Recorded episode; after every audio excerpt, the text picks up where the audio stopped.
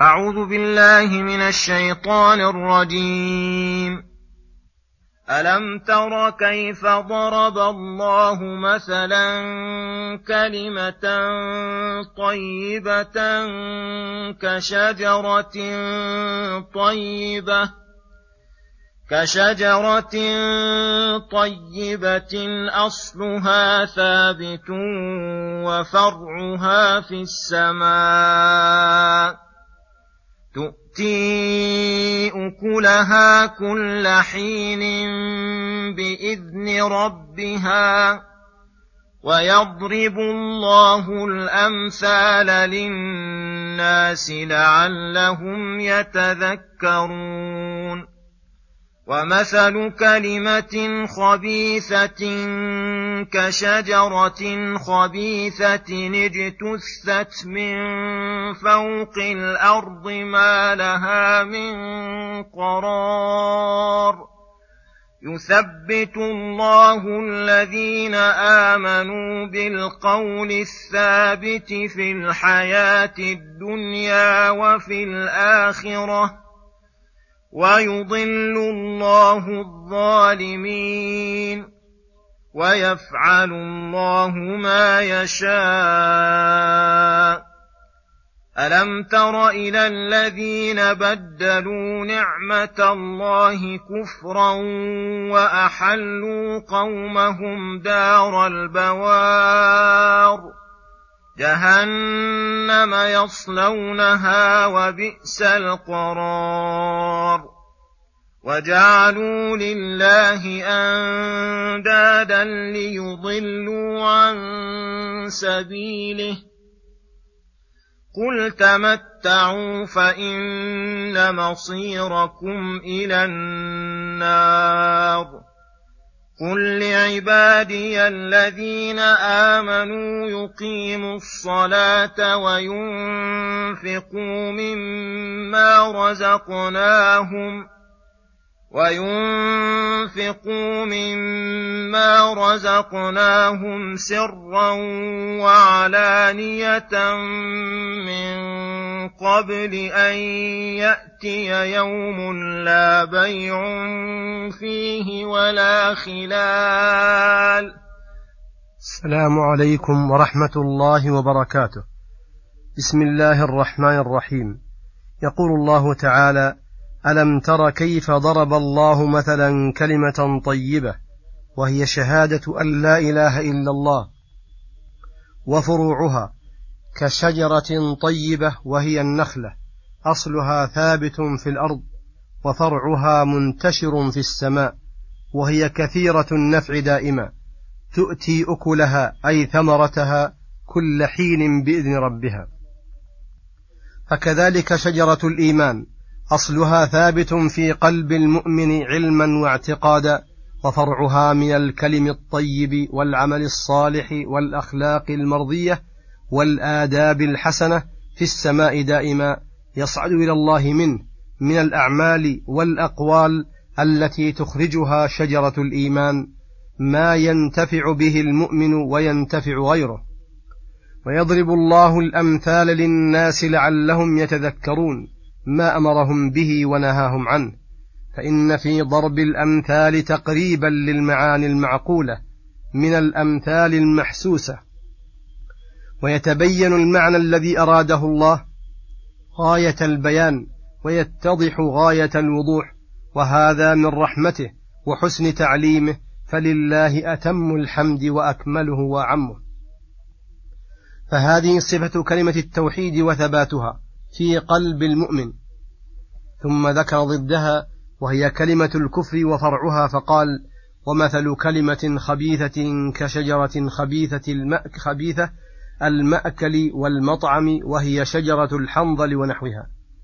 اجتثت هذه الشجرة من فوق الأرض ما لها من قرار أي ثبوت فلا عروق تمسكها ولا ثمرة صالحة تنتجها.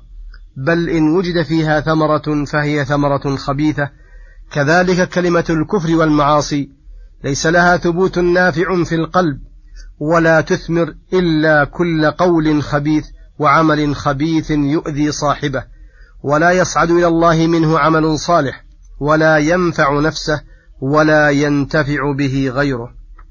ثم يخبر تعالى أنه يثبت عباده المؤمنين أي الذين قاموا بما عليهم من الإيمان القلبي التام الذي يستلزم أعمال الجوارح ويثمرها فيثبتهم الله في الحياة الدنيا عند ورود الشبهات بالهداية إلى اليقين وعند عروض الشهوات بالإرادة الجازمة على تقديم ما يحبه الله على هوى النفس ومرادها. وفي الآخرة عند الموت بالثبات على الدين الإسلامي والخاتمة الحسنة.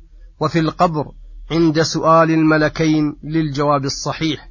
إذا قيل للميت من ربك وما دينك ومن نبيك هداهم للجواب الصحيح بأن يقول المؤمن الله ربي والإسلام ديني ومحمد نبيي ويضل الله الظالمين عن الصواب في الدنيا والآخرة. وما ظلمهم الله ولكنهم ظلموا أنفسهم. وفي هذه الآية دلالة على فتنة القبر وعذابه ونعيمه كما تواترت بذلك النصوص عن النبي صلى الله عليه وسلم في الفتنة وصفتها ونعيم القبر وعذابه. ثم يقول تعالى مبينا حال المكذبين لرسوله من كفار قريش وما آل إليه أمرهم. ألم تر إلى الذين بدلوا نعمة الله كفرا؟ ونعمة الله هي إرسال محمد صلى الله عليه وسلم إليهم يدعوهم إلى إدراك الخيرات في الدنيا والآخرة وإلى النجاة من شرور الدنيا والآخرة فبدلوا هذه النعمة بردها والكفر بها والصد عنها بأنفسهم وصدهم غيرهم حتى أحلوا قومهم دار البوار وهي النار حيث تسببوا لإضلالهم فصاروا وبالا على قومهم من حيث يظن نفعهم ومن ذلك أنهم زينوا لهم الخروج يوم بدر ليحاربوا الله ورسوله فجرى عليهم ما جرى فقتل كثير من كبرائهم وصناديدهم في تلك الوقعة. جهنم يصلونها أي يحيط بهم حرها من جميع جوانبهم وبئس القرار. وجعلوا لله أندادا أي نظراء وشركاء ليضلوا عن سبيله أي يضلوا العباد عن سبيل الله. بسبب ما جعلوا لله من الأنداد ودعوهم إلى عبادتها.